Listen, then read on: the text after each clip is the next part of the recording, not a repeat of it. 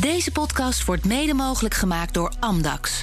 Het handelshuis voor de serieuze cryptobelegger. Hartelijk welkom bij deel 2 van de Cryptocast nummer 219. Dit is het podcastgedeelte. B, in het eerste deel hebben we het gehad over het laatste crypto-nieuws. Dat vind je als de vorige aflevering 219a.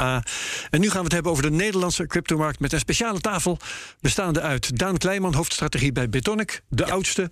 Exchange van Nederland, Mark Nuvelstein, CEO bij Bitfavo, de grootste. Ja. En uh, Lucas Wensing, directeur bij Amdax... het eerste bedrijf dat geregistreerd is door de Nederlandse Bank. Ook hartelijk welkom. Dankjewel. En voor we beginnen, nog even dit. De cryptomarkt professionaliseert. Veel particuliere, zakelijke en institutionele beleggers nemen nu cryptovaluta op in hun portfolio. En toch wordt het cryptodomein vaak nog gezien als een anoniem online gebeuren. Voor Amdax is het juist volkomen persoonlijk. Cryptovaluta opslaan, verhandelen of het beheer van je cryptovermogen volledig uit handen geven. Amdax is er voor de serieuze cryptobelegger die zijn portefeuille wil onderbrengen bij een veilige en professionele partij. Had ik misschien beter zelf kunnen zeggen deze keer. Had jij deze keer kunnen doen? Ja. ja dat... nee, jij niet elke keer te doen. Ja, voor wie slecht heeft opgelet, Lucas is uh, van de sponsor hier. Um, maar ook gewoon in functie als dat eerste uh, door de Nederlandse Bank geregistreerde bedrijf. Um, vanuit de CryptoCast redactie het volgende nog. Uh, als je graag luistert naar ons, vergeet je dan niet te abonneren. Dan ben je elke week direct op de hoogte van de nieuwste aflevering. Zo, um, nu ter zake. Eerst eens eventjes um, Daan Kleijman over Bitonic. Uh, jullie waren op 1 mei 10 jaar oud. Gefeliciteerd in de eerste plaats. Ja, dankjewel. Waarom werd Bitonic opgericht? Waarom werden we opgericht? Ja, dat is eigenlijk wel een mooi verhaal. Uh, we hebben nog de IRC-chatlogs van de, uh, de heren die dat opgericht hebben. Oh jee, IRC, wat was dat ook weer? Ja. Internet chat. Relay Chat, ja, de ja, dus allereerste chat, zeg maar. WhatsApp van vroeger. Ja. ja. En uh, ja, ik denk dat de discussies over Bitcoin begonnen in 2010. Um, in 2011 werd het, zeg maar, herontdekt.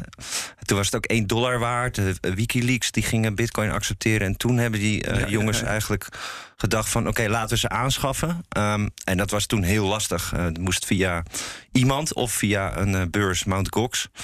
Ja. En uh, ja, voordat je daar je geld had staan, duurde twee weken via Franse bankrekening, Japanse exchange, best gewoon omslachtig.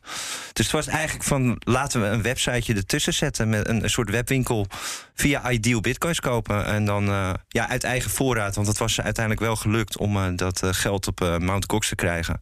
Ja. En zo is Bitonic ontstaan eigenlijk. Ja, ik heb in 2013 nog eens geprobeerd om uh, bitcoins te kopen. Die kostte toen 100 dollar. En daar heeft de ING toen een stokje voor gestoken. Ja. Die begonnen me tegen te ja. houden. Ja, die kan je alsnog nog wel even zoeken natuurlijk. Van je ja, ja, ja, je dat moet altijd nog. Ja, ja. ja. Ik wacht even tot het verschil groot genoeg is. ja, dat was vrij, vrij random. Uh, die, soms blokkeerden ze dat en dachten ze dat iemand opgelicht werd of zo. Dus uh, het was niet per se anti-bitcoin, maar het was ik, gewoon meer... Ik, ik, kreeg de opdracht om te gaan bellen met de afdeling fraudebestrijding. Ja, precies. Dus heb ik ja. ja. gedaan. En, ja. nou goed, dat is een ander verhaal. Uh, Mark Nuvelstein, hoe oud is Bitfavo? Uh, Bitfavo is opgericht in uh, 2017. We zijn live sinds 2018, dus nu vier jaar oud. Uh, en ik denk waar uh, Bitonic al een hele goede stap had gemaakt om cryptos toegankelijk te maken, wouden wij daar proberen om nog één stap verder te gaan. Om eigenlijk ook klanten de mogelijkheid te bieden om ook de crypto's in wallets van het platform aan te bieden. Oh ja. En eigenlijk ook nog een iets breder assortiment aan te bieden van verschillende soorten crypto's. Om op die manier eigenlijk de cryptomarkt nog toegankelijk te maken voor de samenleving. Ja, en de functie van Amdax is eigenlijk uh, iets anders, hè, Lucas? Want uh, bij, jullie, bij jullie kun je ook kopen, maar de, jullie stellen je meer op als vermogensbeheerder. Ja, vermogensbeheerder, wat meer de lange termijn investeerder uh, aan ons binden. En daar hoort dan ook natuurlijk investeringsadvies bij. En wij beheren ook portfolio's voor klanten. Dus wij doen actief be beleggingen en vermogensbeheer voor klanten. Ja. We hebben wat meer speciale klantsoorten in, het, in de bovenkant van het segment. Echt institutioneel. Dus we doen private staking, uh, treasury management, uh, escrow management. Er zijn wat meer specifieke diensten die echt in de bovenkant relevant worden. Ja. ja. Maar in ieder geval, ik heb aan, de, aan het eind van uh, het radiogedeelte van deze aflevering van de Cryptocast... heb ik Daan Kleijman gevraagd. Vind je Nederland een goed land voor cryptobedrijven? Vond hij van wel. En hoe denk jij daarover? Ben je, zou, in welk land zou je liever zitten? Laat ik het zo eens vragen. Nou, vanuit de regelgeving moet ik misschien even... Oké, okay, die regel, daar, komen, daar komen we nog op. Ja, die regelgeving, Goed. daar heeft juist ja. Kritiek op, maar daar ja. komen we zo nog wel op. Ja. Mm, of ik denk dat als je kijkt naar een, een, een prettig vestigingsland, dan uh, is denk ik het belangrijkste waar vind je goed personeel. Ik denk dat dat ah. voor je bedrijfsvoering bij far het ja. belangrijkste is. En ik denk dat als we daar naar kijken, uh, dan denk ik dat we hier in Nederland een, een, een, een hele goede samenleving hebben met, met heel goed personeel. En mogelijk je dat ook nog in de, in de UK kan vinden. En er zijn nog wel een paar andere landen, maar ik denk dat daar Nederland heel, heel geschikt voor is. Ik denk dat het tweede wat voor een bedrijf relevant is, is de de adoptiegraad van de samenleving van je product. En ik denk als we daar naar kijken hier in Nederland, uh, dat we daar op zich eigenlijk nog best wel een relatief hoge adoptiegraad hebben ten opzichte van andere Europese landen. Ik denk dat we nog achterlopen ten aanzien van de UK. Ik denk dat we ook nog achterlopen ten aanzien van de US. Maar ten aanzien van de meeste Europese lidstaten loopt Nederland best wel voorop.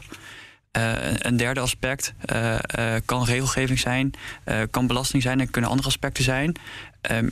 maar die zijn in, in mijn optiek ondergeschikt daaraan. Lucas, in welk land zou jij liever zitten dan in Nederland? Ja, je wil zitten in het land waar je klant zit. ja, natuurlijk. Ja, nou, je zegt dat natuurlijk. Maar als je natuurlijk een exchange bent... Uh, in het begin, mijn eerste handel heb ik gedaan op Kraken. En dat is dan een US-partij. En dat was toen uh, voor mij uh, prima. En daarin denk ik dat als je consument handelt, dat het wat minder relevant is. Hè, dan kan je over de grens heen kijken. Maar zo ga je wat meer naar de bovenkant van de markt gaat, waarin vertrouwen en um, relaties belangrijker worden. Uh, waarin dat private banking domein gaat komen. Ja, dan wil je gewoon lokaal, uh, lokaal kunnen winkelen als klant zijn. En dan, dan moet je ook lokaal gevestigd zijn. Ik denk niet dat we als wij nu een Amerikaanse entiteit zouden zijn uh, in de bovenkant van de markt, uh, ook maar enig succes zouden hebben in Nederland. Nee, nee, nee, nee, Dus ook als we naar Duitsland zouden willen, denk ik dat je daar dus dan ook lokaal actief moet zijn, dat je anders niet komt. Ja, ja, dat is duidelijk. En Dan Kleinman, jij zei dus in um, het radiodeel dat, uh, dat we best veel goede cryptobedrijven hebben. Um, waar, waar komt dat dan eigenlijk door? Wat is daar de cruciale factor voor? Wat maakt Nederland zo'n goed cryptoland? Nou, ik denk dat Mark een behoorlijk goede samenvatting gaf uh, net. Ja. De ja, dus, goed opgeleide. Ja, uh, heel innovatief. Mensen. Ja, volgens mij kon je in 2013 ook kon je best wel goed zien welke. Uh, toen had je alleen nog bijna Bitcoin Core software als wallet. Uh, waar dat gedownload werd. En uh, dat was relatief in Nederland de meeste mensen. Dus de adoptiegraad is altijd hoog geweest. Ook, ik denk heel erg vanuit het innovatieve uh, perspectief. Ja, ja. ja. Concurreren jullie bijvoorbeeld, ja, ik, ik, ik, kijk even niet naar Amdax als vermogensbeheerder, maar uh, Bitfavo en Bitonic, concurreren jullie nou heel hard met elkaar? Ik denk dat het meevalt. Ik denk dat we eigenlijk andere segmenten van de markt bedienen of andere in andere behoeftes voorzien. Uh, uh, ik denk dat voor eigenlijk alle drie de bedrijven hier geldt. Ik denk dat voor alle drie de bedrijven hier geldt dat ze andere behoeftes voorzien en dat de markt daar ook groot genoeg voor is. Ja, iedereen mee eens? Ja, ja nee, ik denk dat wij inderdaad met bit, Bitcoin only zeg maar een uh, andere. Uh, ja, ja, jullie doen geen uh, altcoins. Nee, nee. dus ja, we focussen heel erg op die stabiliteit, op die stabiele en langer, ook wel op de langetermijn incentives. Dus ja, dat is toch een ander perspectief, maar ook wel veel overeenkomsten, denk ik toch ja. wel. Er is één vraag, of nee, er zijn verschillende vragen die uh, terugkomen uh, wanneer wij uh, op Twitter bekend, toen wij op Twitter bekend maakten dat jullie hier zouden zijn. Um, wanneer gaan jullie Lightning implementeren? Ik kijk eerst maar eens eventjes naar Lucas. Is Lightning voor jullie een mogelijkheid om in te voeren? Ja, het is grappig. Het heeft in onze innovatiediscussies heeft het, is het vaak teruggekomen. Of uh, inderdaad klanten de mogelijkheid konden geven om uh, ja, hun vermogen, crypto en bitcoin vermogen, via Lightning op te nemen naar hun wallet. Zodat ze ook eigenlijk direct een payment uh, mogelijkheid hebben. In plaats van de kaart die je nu eerder zag, ja. ontstaat daar natuurlijk een ander beeld bij. Um, waar op dit moment focussen wij ons niet op betalingen. wij merken dat de betalingskant. Het is natuurlijk een mooie feature van crypto en van bitcoin specifiek. Maar in Nederland is betalen, merk ik niet de eerste en belangrijkste use case voor mensen waarom ze in crypto stappen.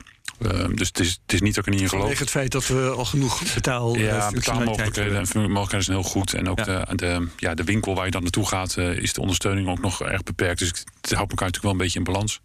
Dus voor nu kiezen we meer op het, uh, het investeren op lange termijn en liever uh, earn-achtige producten. Dus uh, staking, yield creëren op je vermogen. Dat, daar zit nu eerder de aandacht op voor ja, ons dan. Ja. En als je dat zou willen, betaalmogelijkheden scheppen, dan krijg je ook weer allerlei complicaties wat de regulering betreft. Hè?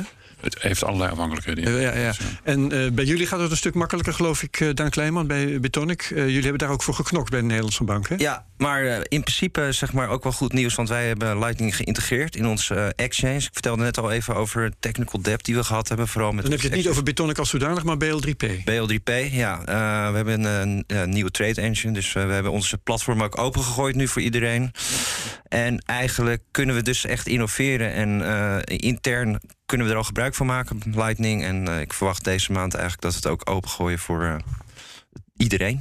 Ja. Cool, cool hoor. Ja. Echt gaaf. En Kraken is ook wel succesvol mee, als ik het zo eh, Ja. begrijp aan de getallen. Dus er is zeker ook een use case voor. Ik wil niet. eh, Ja. ik denk dat het een heel interessante ontwikkeling is. En misschien Ja. is het ook wel een soort van eh, wolf in schaapskleren dat in één keer veel sneller gaat. Nou, je hebt het over betaling, maar je kan eventueel... Ja, het gaat, kijk, Lightning is best wel gericht op kleine bedragen... maar je zou ook kunnen arbitreren eventueel. want ja, je hebt natuurlijk gewoon instant settlement via Lightning. En ja, dat biedt ook mogelijkheden voor platformen... om ja, snel van het ene naar het andere platform eh, bitcoins over te maken. Ja, Ga je dat ook doen? maar Hm? eh, wie zei dat? Gaan jullie dat ook doen? eh, Daan? zijn. Wat Eh, dat soort betalingen snel faciliteren dus tussen bijvoorbeeld jullie en Kraken?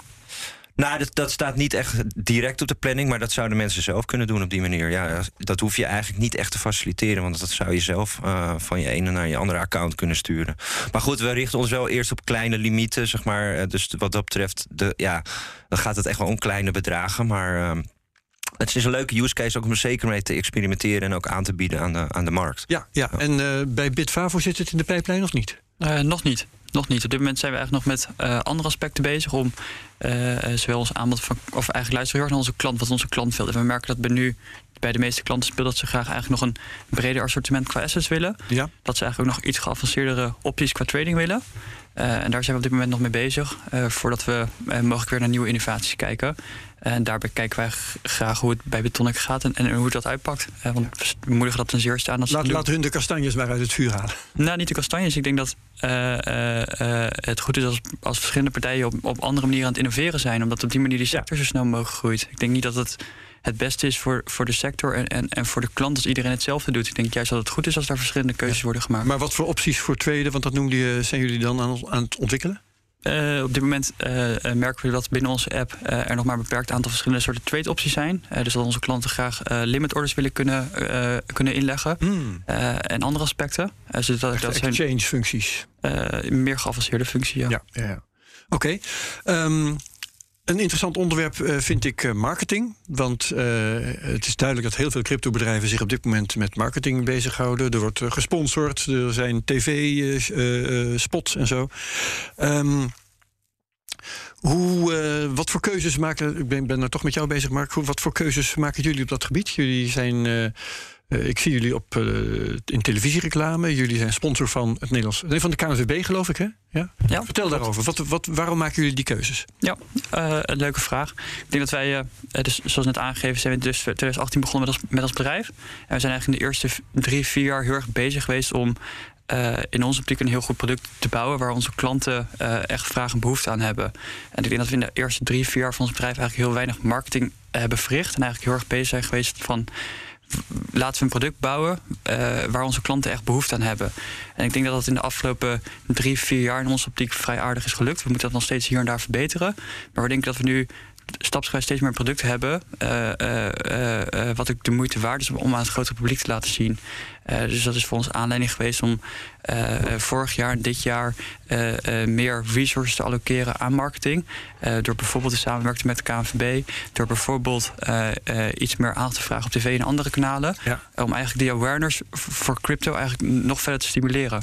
En, En- door het eigenlijk nog door eigenlijk die adoptie van crypto nog, nog, nog groter te maken. Ja. En jullie kiezen duidelijk voor eh, eh, media die dan een zo groot mogelijk bereik hebben. Hè? Want in, in plaats van dat je bijvoorbeeld eh, zou kiezen voor uh, nou ja, sponsor dan bijvoorbeeld de CryptoCast. Dat Dan is echt je de enige manier waarop je met marketing succesvol kan zijn. is Sponsoren van de CryptoCast. dan, dan mik je op mensen die daar al bekend mee zijn. Terwijl jullie juist mikken op de mensen, eh, lijkt het voor mij, die daar nog niet bekend mee zijn.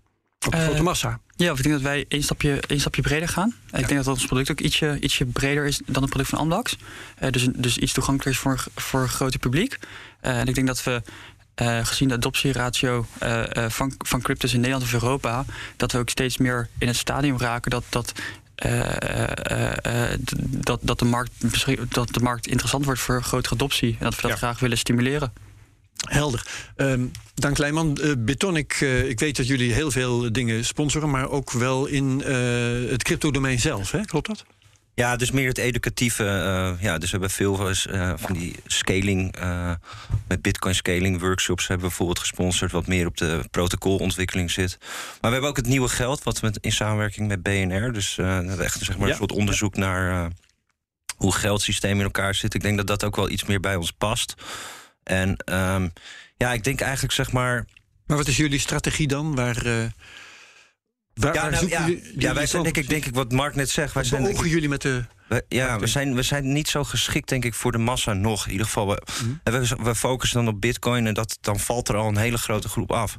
Maar wat dat betreft, dat is ook wel eigenlijk ja, waar onze idealen vandaan komen. We willen ook een beetje, zeg maar, er zijn toch wel best wel veel perverse prikkels in de markt gekomen. Hè? Toch wel veel gokgedrag.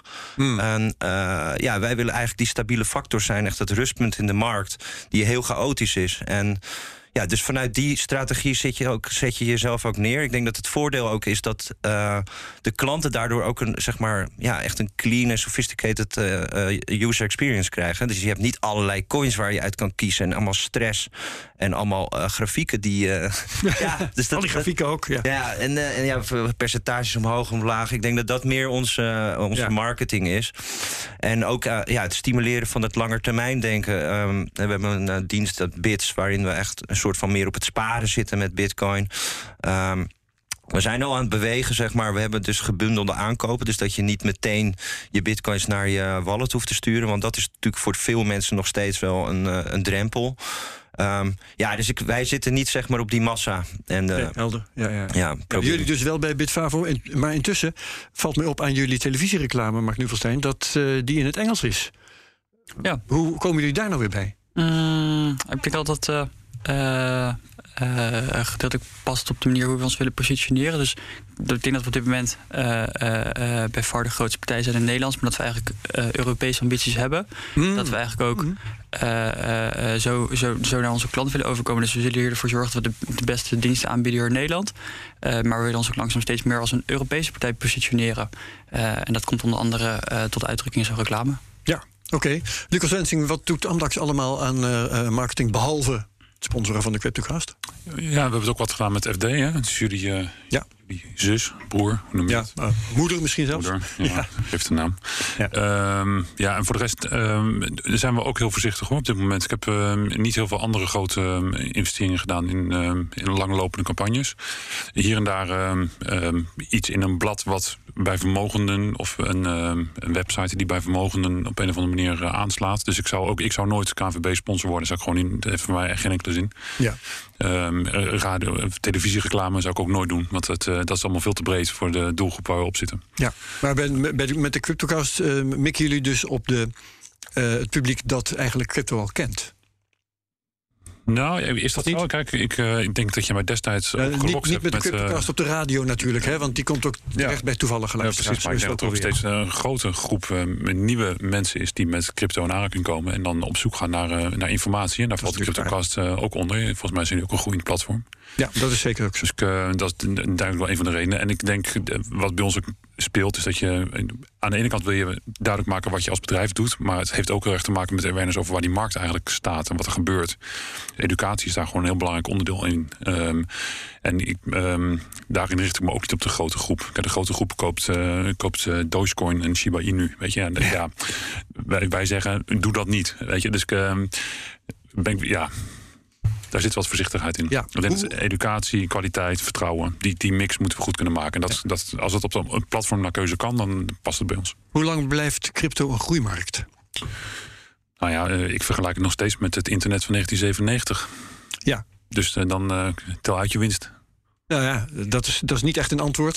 Want Nou ja, er is nog heel veel groei te halen. Dat is, dat is het antwoord, denk ik. Ja, ja, ja. Ik denk dat we nog steeds heel jong zijn. Uh, je ziet het in het aantal uh, bitcoin-gebruikers, maar überhaupt... Dat zeker. Uh, de awareness rondom deze markt is heel erg hoog. het aantal deelnemers is nog steeds relatief laag. Maar goed, ik dat heel veel groei is. Als het, als het elke maand... wat zei je net ook weer? Elke maand 6% erbij? Ja, in de afgelopen vier maanden. Dus in die bearmarkt heb je echt de markt naar beneden. En wij zagen 6% groei per maand. Dan moet ik even denken, wat is dat dan? Dat is toch wel bijna een verdubbeling op jaarbasis ja, als die markt zich even lekker zo doorzet in dit tempo, dan verdubbelen we wel, ondanks dat de markt uh, keldert. Ja. Dan heb je zo de hele Nederlandse bevolking te pakken.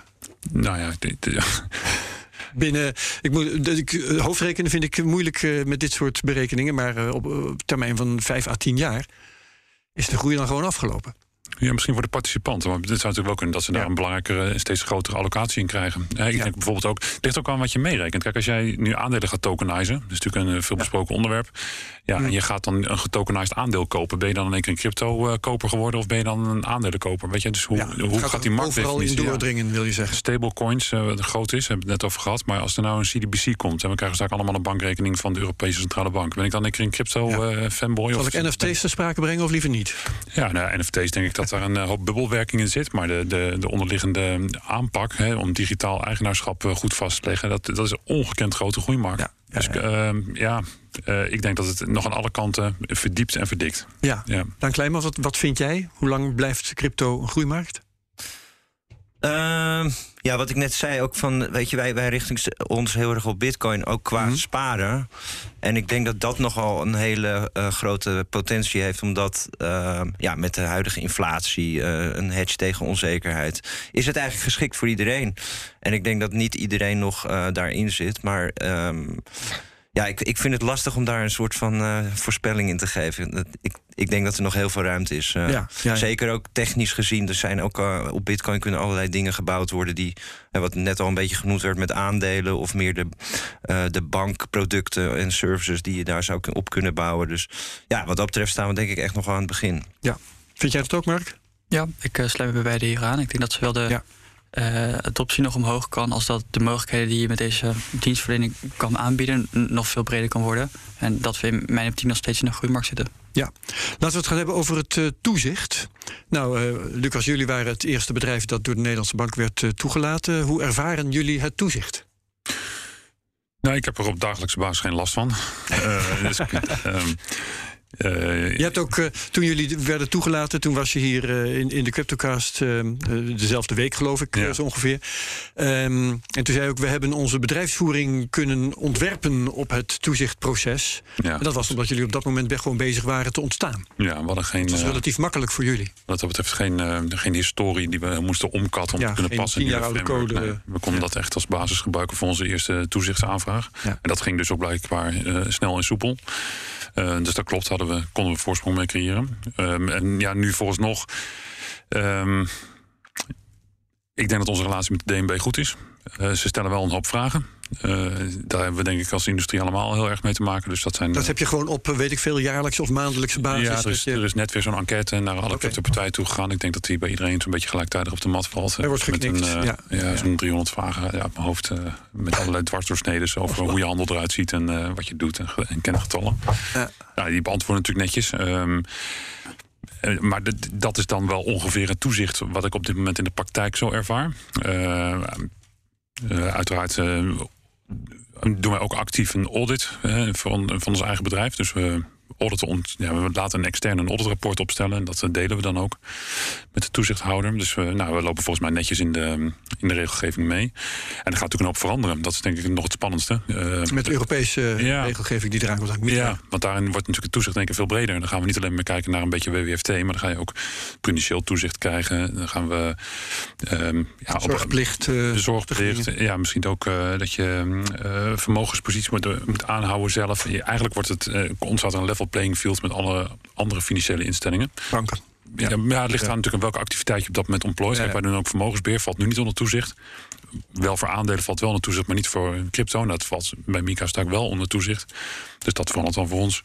En dat is denk ik alleen maar goed. Kijk, er wordt natuurlijk nog vaak nog gezegd dat crypto ook de, het middel is om geld wit te wassen of illegale activiteiten hmm. ontplooien. Nou, ik denk dat die narrative wel aan het wegvallen is nu. En, ik ondersteun natuurlijk ook onder die, uh, dat toezicht, want dat creëert de ruimte voor groei. Dus dat betreft ben ik heel erg voor het toezicht hoor. Ja, oké. Okay. Maar ja. hoe is het voor jullie? Uh, jullie krijgen ook die 300 vragen? Ja, ik denk dat elke marktpartij die onder toezicht staat ja. van DNB uh, op jaarlijks, jaarlijkse basis dezelfde enquête krijgt. Of ja. een iets aanvullende enquête krijgt. Uh, dus dat geldt denk ik voor iedereen. Ik denk dat toezicht is in 2020 begonnen. Ik denk dat dat voor de meeste marktpartijen geldt dat ze daar grotendeels op voorbereid waren of op, op voor, voorgesorteerd waren, maar dat ze nog wel hier en daar laatste aanpassingen moesten doorvoeren. Uh, ik denk dat gedurende de afgelopen twee jaren uh, bedrijven daar vooral op door zijn gegaan. Dus die zijn erop doorgegaan. Die hebben alle, alle processen en procedures die je volgens de wetgeving moest implementeren ingevoerd. die hebben dat hier en daar mogelijk nog verscherpt of verbeterd. waarbij er de jaarlijkse uitvragen uit voortvloeien en mogelijk specifieke andere onderzoeken plaatsvinden. dat hoort erbij. Ja, ja, ja. Ehm, ik weet dat bij, bij Amdax kun je ehm, crypto kopen en dan heb je dat op een rekening staan en dan kan het verder nergens heen behalve terug naar, uh, naar je eigen bankrekening. Hè? Dat is in feite hoe het bij jullie werkt. Voor de crypto's bedoel je dan? Ja. Uh, nou ik, ik, ik, kan niet bij jullie vandaan, dat had je, daar had je het net over, uh, je kan niet bij jullie vandaan iets betalen. Ik kan niet overmaken naar een rekening van een derde. Nee, nou, we, we hebben wel wat situaties gehad waarin mensen graag um, een rekening gebruiken om betaald te worden. Dus dat zijn zakelijke klanten. Oh, uh, dus het scenario dat iemand uh, landbouwvoertuigen uit Amerika verkocht en dan graag in crypto betaald wil worden. Dus dan bieden we het wel aan. Ja. Um, maar in principe, en, en dat scheelt bij dit probleem, um, dat je, je moet weten waar, van wie de, de eigenaarschap is van die wallet waar het naartoe gaat. Nee, zeker. Maar het, het was een inleiding voor een vraag aan, eh, aan Mark. En dat is namelijk dat uh, volgens mij bij, bij jullie, bij Bitfavo, kun je alleen vanaf je crypto-rekening overmaken naar een crypto-rekening die, waarvan je eerst bewijst dat die van jezelf is. Uh, ja, dat is helaas het geval. Ervaren jullie klanten dat als vervelend? Ik vermoed van wel. Of ik weet uh, vrij zeker dat ze dat. Uh, Klagen ze daarover? Ze, ze, hebben daar zeker hier daar feedback over. Mm -hmm. Dat ze dat niet altijd even prettig vinden. Omdat dat in sommige gevallen ten koste gaat van de gebruikservaring. Dat in sommige gevallen ten koste gaat van gevoelsmatig van de privacy. Wat heel erg begrijpelijk is. en ik denk dat, maar ook van de gebruiksmogelijkheden die je hebt. Je, kun, je kunt dan bepaalde dingen niet doen. mogelijk.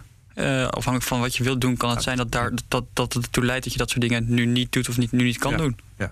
Uh, dus dat is zeker het geval. En ik denk dat dat uh, helaas een van de voorbeelden zijn waar regulering mogelijk ook wat nadelige bijeffecten heeft gehad. Ja, tegen dit soort dingen hebben jullie een verzet, beton ik, Daan Kleijman, met een rechtszaak tegen de Nederlandse Bank.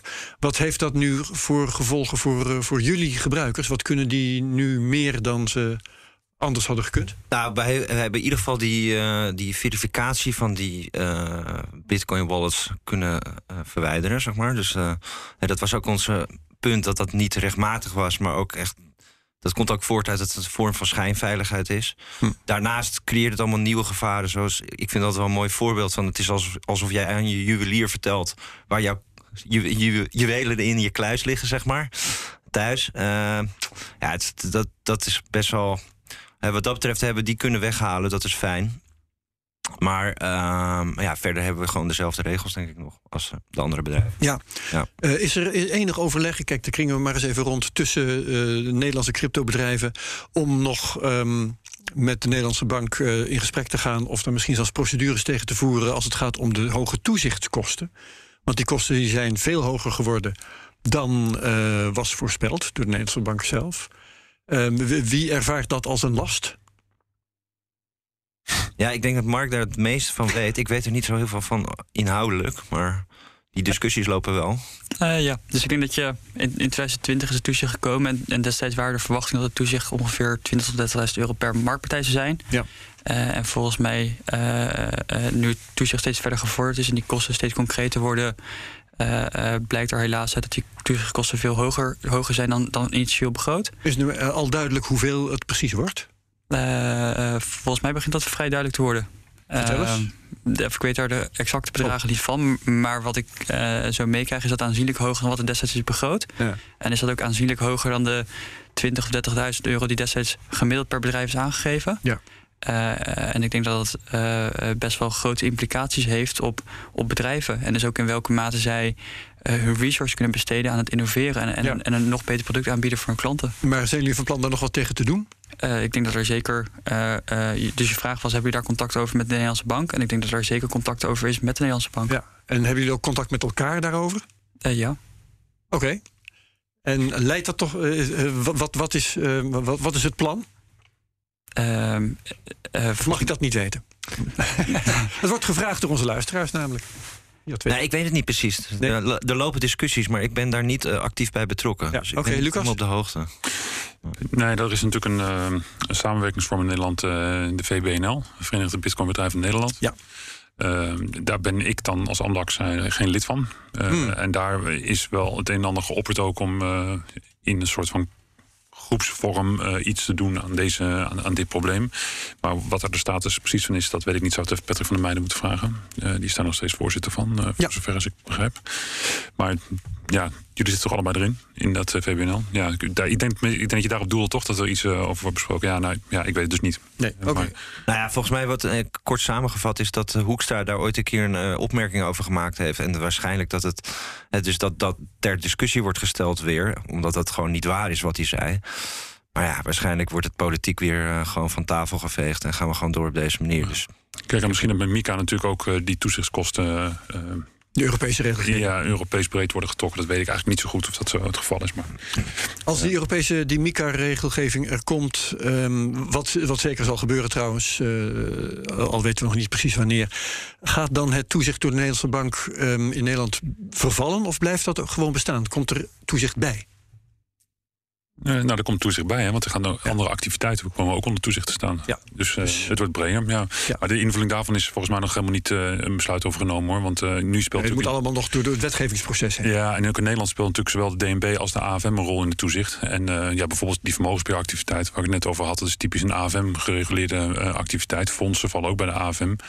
Ehm, en hoe dat dan vanuit Mika vertaald wordt naar toezicht in lokale vorm. Dat is, uh, dat is volgens mij nog, niet, uh, ja. nog geen ei overgelegd. Jij zei net geloof ik al dat die Mika um, jullie dat je dat in feite verwelkomt. Hè? Dat dat geeft meer zekerheid. Ja, maar het gaat, het gaat, de markt ook echt veranderen. Kijk, als jij nu, als je nu krakend bent of je bent Coinbase en je kijkt naar Europa, dan zie je daar 30 landen. En op ja. zich wel een interessante doelgroep. Maar het, het is nogal verschillend. De wet en regelgeving is anders. Dus ga maar eens even Europa bedienen. En dat is niet zo makkelijk. Ja. Uh, en je ziet dat dat dus nu ook tot uh, ja, in ieder geval uh, twijfelend gedrag leidt. je ziet niet in ieder geval dat Coinbase aan alle kanten Europese licenties aan het najagen is. En ik, ik denk dat de grote clubjes.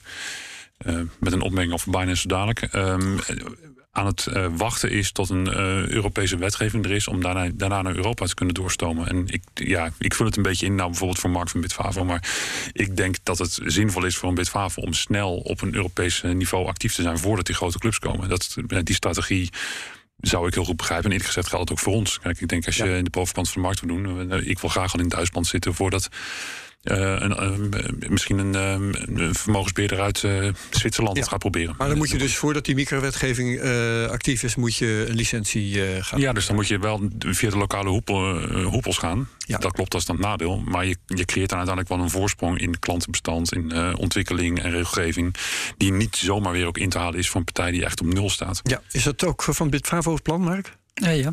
Ja, ja, zeker. Dus ik denk dat. Uh, dus je vraag was net van, uh, van waar, waarom is jullie reclame bijvoorbeeld in het Engels? Ik denk dat. Ja. Uh, dat hebben we denk ik altijd gezegd met ons bedrijf dat we een soort van Europese ambities hebben. Ik denk dat heel erg dat we heel erg blij zijn en het heel erg mooi vinden dat we zo zijn gegroeid in de Benelux.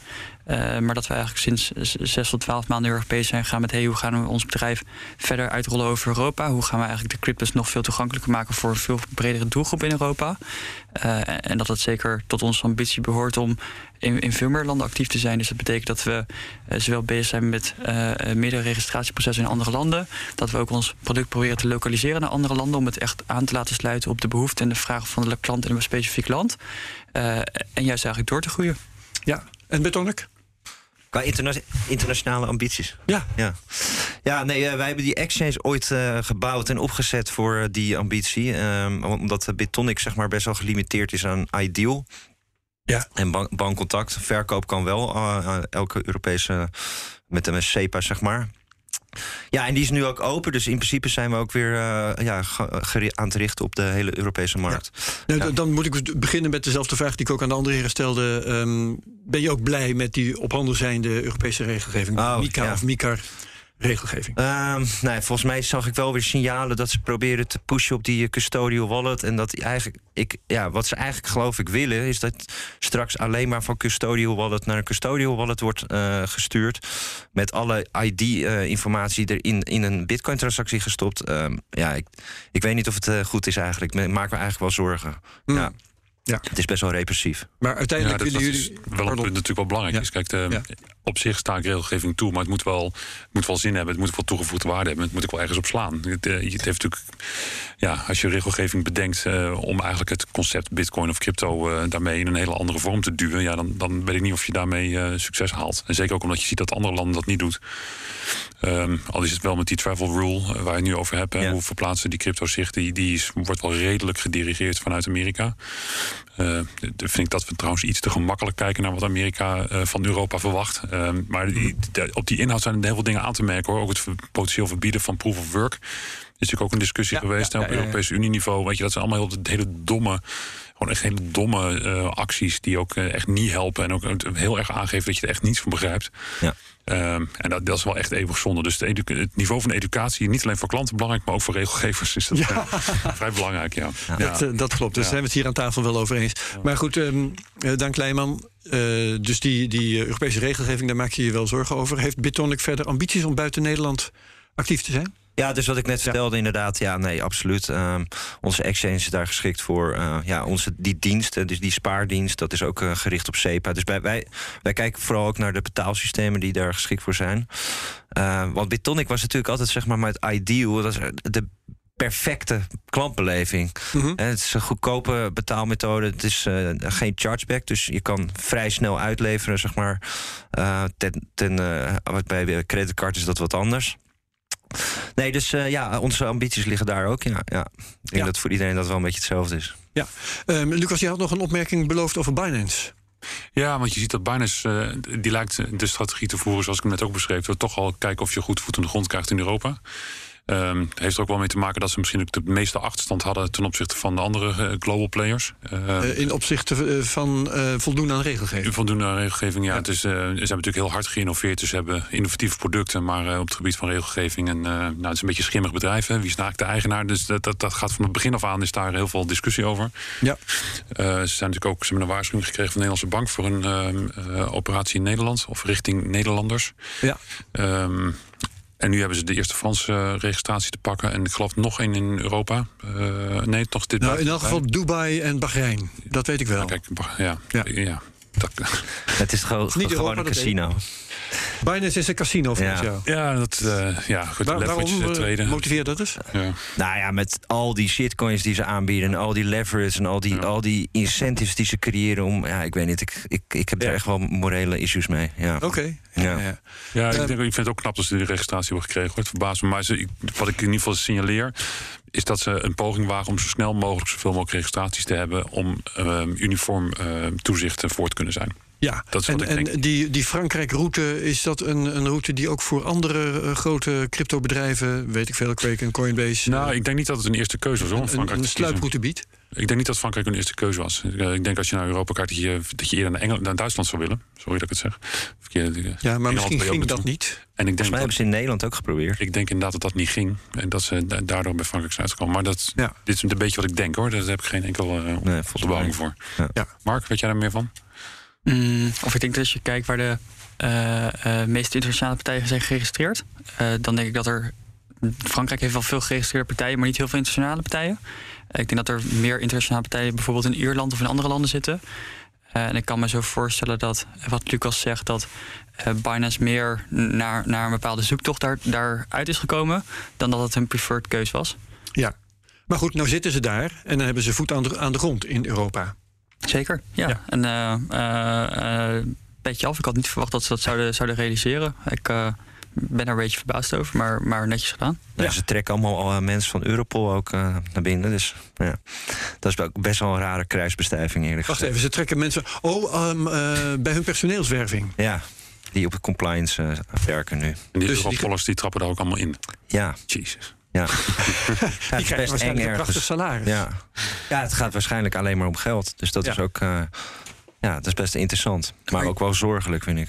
Ja. Of ik denk dat je dat de sector breed ziet. Dat je eh, ziet dat er heel veel eh, medewerkers van eh, eh, ministerie van Financiën, eh, van toezichthouders, van opsporingsinstanties. eh, eh, eh, Worden weggekocht. blijkbaar de overstap maken naar, naar marktpartijen. Eh, onder andere naar Binance, eh, onder andere naar Coinbase, onder andere naar Ch- Chainalysis.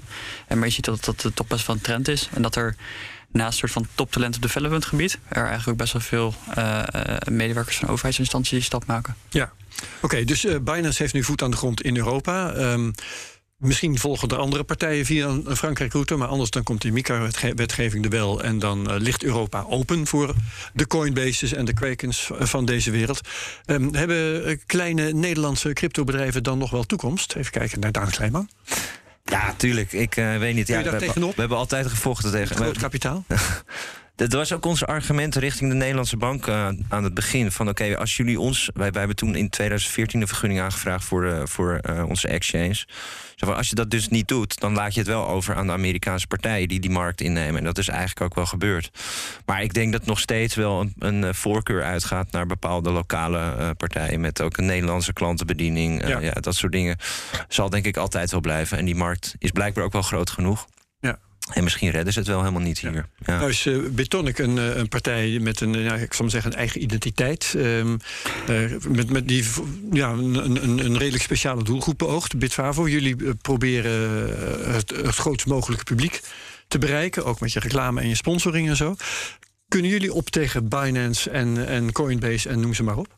Ja, ik, ik, denk dat wij ook op onze manier onze eigen identiteit hebben. Maar ja. dat je gelijk hebt dat wij een, een breed publiek proberen aan te spreken. Uh, ik, ik, denk dat uh, nu Binance een registratie heeft gekregen in Frankrijk. Uh, het de aankomende 1 tot 2 maanden afwachten is wat het nu daadwerkelijk betekent. Betekent dat ze daardoor ook echt, echt bankrelaties aan kunnen gaan. En dat er bepaalde dienst, betaaldienstverleners zijn die daadwerkelijk business met hun willen doen. dat is in het verleden natuurlijk vaak gebeurd, maar is ook meermaals weer afgesloten. Ehm, dus ik denk dat dat een interessante ontwikkeling is om te zien van, van hoe gaat het verder. Ik denk dat je daarnaast vermoedelijk zult zien dat er nu meer internationale partijen soort van versneld naar Europa zullen gaan en het voorbeeld zullen, volgen, zullen volgen op wat voor vorm dan ook. Uh, ik denk dat er voor een bedrijf als Bitvavo, uh, wat al veel verder gelokaliseerd is, wat al veel verder een, een lokaal brand heeft opgebouwd en, en eigenlijk al veel meer aan trust heeft gewerkt, dat er zeker nog heel veel potentie is. Uh, dus, dus persoonlijk maken we ons daar geen zorgen over. Ik kan me wel voorstellen dat het voor wat meer druk gaat leveren op de hele markt. Uh, druk op de hele markt. Ja, of ik denk dat naarmate er meer partijen, zijn, maar meer partijen zijn en komen, uh, dat, er, dat, uh, dat het ertoe kan leiden dat, dat, dat, dat niet iedereen even hard kan groeien. Ja, natuurlijk. Het wordt drukker op de markt. Ja. Um, dus de, de, de taart, ook al groeit die misschien nog een beetje, die moet wel door veel meer partijen worden verdeeld. Ja, dat zou dus, kunnen. Uh, innovatievermogen is dan uh, cruciaal. Hè? Hoe snel je met nieuwe producten en diensten kan komen. Ja. Dat is natuurlijk uh, een van de redenen waarom Binance toch groot is geworden. Is ze, echt, ze waren echt heel snel met innovatie. Dat Ik zou zeggen, getokeniseerde aandelen, maar dat hebben ze toevallig al geprobeerd. Ja, en allerlei. Dan niet van, uh, van uh, de Security and Exchange Commission of zo. Nee, nee. Je, kunt, je wil dus iets proberen wat niet kan of niet mag. Ja. maar, maar jij, jij, noemde dat net wel weer, die, die getokeniseerde aandelen. Vroeg of laat krijgen we die toch natuurlijk. Ja, ja dat gaat ook wel een keer. Dat gaat onder toezicht ook allemaal gewoon gebeuren. Ja. Daar ben je, twijfel ik helemaal niet aan. Ja. ja. ja. Hoe ziet de markt er over pak een beet vijf jaar uit, Lucas? Oh. Over vijf jaar. Ja, kijk, je hebt, Mag ook een andere ja, je hebt kiezen, de neiging om de korte termijn uh, te overschatten ja. en de lange termijn te onderschatten. Ja, en nu zeg je precies vijf jaar. Dat zit dan weer tussen lange en korte termijn in. Dus ik vind het echt een dubbele strikvraag eigenlijk. Dit. Nou, over een eeuw dan. Ja, kijk, weet je, ik weet het. Ik weet het. Laten we ook niet veel uh, glazen bolle verhalen hier houden. Maar ik denk dat uh, de ontwikkeling van de toepassing van crypto in het domein, zoals je het net bespreekt, in tokenization, in het betalingsverkeer. Ik denk dat het, het aan elkaar knopen van het internationaal bankenverkeer gewoon Bitcoin-protocol gebruiken om uh, internationale betalingen ook door banken mogelijk te maken. Nou, is het Jack Mellers voorbeeld, maar dan uh, ja. natuurlijk uitgebreid. Dat gaat allemaal gebeuren. En ik denk ook allemaal binnen nu een vijf jaar dat dat echt gestal, gestalte krijgt. Maar er komt ook een moment dat uh, mijn moeder zit te Netflixen onder water met een Lightning wallet betaald voor die minuut uitzending die ze bekijkt. En dan zit het dus ja. Bitcoin volledig geïntegreerd in haar televisie. Ja. En pay per second, een, een, een zat of twee. Weet je, en dat gaat ook gebeuren. En dat, uh, ja, maar hoe snel zo'n zo'n zo'n ja, zo'n curve doorlopen wordt van adoptie, is gewoon heel moeilijk te zeggen. Maar vijf jaar is toch wel toch wel lang. Ik denk dat we verbaasd zullen zijn over wat er in vijf jaar gebeurt. Terwijl je praat, uh, realiseer ik me dat we ook vragen kregen over uh, ja, wanneer komen deze mensen met, uh, met, deze bedrijven die ik hier aan tafel heb, met betaalkaarten en met betaalmogelijkheden en dat soort zaken. Creditcards, weet ik veel. Um, op, op welke termijn uh, wordt Amdax een, uh, een uh, concurrent voor pak een beet ABN AMRO? Nou, betalen, we hebben het toen net even over gehad. Ja. Betalen is niet onze eerste focus. Nee. Um, dus ik denk niet dat we meteen die kant op gaan. Ik denk dat vermogensbeheer even onze belangrijkste richting blijft. Um, ik denk dat betalen met een betaalkaart. Ik, ik, misschien dat wel Lightning uh, uiteindelijk iedereen de ogen doet openen. En uh, dat dat het betere alternatief is. En dat uh, betaalkaartenbusiness toch een beetje op zijn einde aan het lopen ja, is. Ja. En Bitfavo, welke kant gaan jullie op? Dus ik denk als je terug naar je vraag van waar denk je dat die markt heen gaat, is dat er uh, uh, best wel veel diensten die nu door cryptopartijen worden aangeboden, best wel veel overeenkomsten hebben met diensten die door financiële instellingen worden aangeboden. Dus als cryptos worden gebruikt voor het investeren, heeft het eigenlijk best wel veel kenmerken met wat beleggingsinstellingen of, of, of stockbroker exchanges doen. En het zou best wel eens zo kunnen zijn dat cryptopartijen steeds meer die kant op gaan. tweede is de opslag van crypto's. dat ziet eigenlijk best, heeft best wel veel overeenkomsten met wat bijvoorbeeld een elektronische geldinstelling of een bank doet, die ook waardes voor klanten aanhoudt, alleen dan in een andere vorm. En het derde is dat je eigenlijk al deze cryptotransacties hebt, waarbij je cryptos kan versturen en ontvangen, maar waarbij je eventueel ook payment cards zou kunnen koppelen, wat eigenlijk best wel veel kenmerken heeft van betaaltransacties. Mm en ik denk dat uh, Hebben jullie die ambitie ook inderdaad? Uh, voor bepaalde aspecten wel. Dus voor, voor betaal, betaaltransacties denk ik dat we daar nu nog niet een hele sterke behoefte van de bij, bij klanten zien. Maar ik denk wel dat er, als we naar de cryptomarkt aan zich kijken op dit moment, is dat, dat klanten heel veel behoefte hebben aan de ene kant eh, in meer mogelijkheden om te investeren. En dat klanten eh, in aanvulling daarop ook steeds meer behoefte hebben om waardes op een veilige, goede manier op te slaan. Uh, en het zou best zo kunnen zijn dat een derde stap van die maturity van die markt zou kunnen zijn dat er steeds meer behoefte komt aan het verrichten van betalingen. Zover zijn we in onze optiek nog niet. maar als we dat zien, dan zullen we dat zeker volgen. Ja, en Daan Kleinman, Betonic, uh, welke kant willen jullie op, op termijn? Um, nou, ik denk dat wij echt dat uh, rustpunt in de markt willen zijn, zeg maar. Dus het tegenovergestelde van een casino. En, uh, ja, dat en ik denk dat Lucas ook best wel een goede samenvatting gaf over wat er allemaal met Bitcoin kan en mogelijk is um, en wordt. En dus allerlei banking services en producten kunnen gebouwd worden. Um, ja, ik denk dat dat wel mooi is voor ons ook om op die richting, op die markt te gaan richten de komende vijf jaar. Ja. Oké. Dat, dat, zijn eigenlijk allemaal dingen die straks onder Micro steeds makkelijker worden. Dus ik denk dat, dat er nu uh, veel van dit soort dienstverleningen eigenlijk nog relatief lastig zijn voor cryptopartijen. Maar dat juist uh, met de introductie van Micro het steeds makkelijker wordt om ook dat soort diensten aan te gaan bieden. Ik dank Mark Nuvelstein van Bitfavo, dat was de laatste spreker. Ik dank Lucas Amdax, sorry, Lucas Wensing van Amdax. Er moest een keer een vergissing komen. En ik dank Daan Kleijman van Bitonic. Dank je wel. Um, en zet de CryptoCast van volgende week alvast in je agenda. Dan hebben we een gesprek met Paul Tang, Europarlementariër namens de Partij van de Arbeid. Met hem praten we over proof of work, anti-witwasregulering en de toekomst van Bitcoin in Europa. Co-host is dan Bert Slachter. En als je deze aflevering leuk vond, deel hem dan met je volgers op Twitter. Gebruik de mensen CryptoCast.nl. Doe reviews op Apple Podcasts en like, subscribe en comment op YouTube. Allemaal bedankt. En wat de CryptoCast-redactie betreft, tot volgende week. Deze podcast wordt mede mogelijk gemaakt door Amdax. Het handelshuis voor de serieuze cryptobelegger.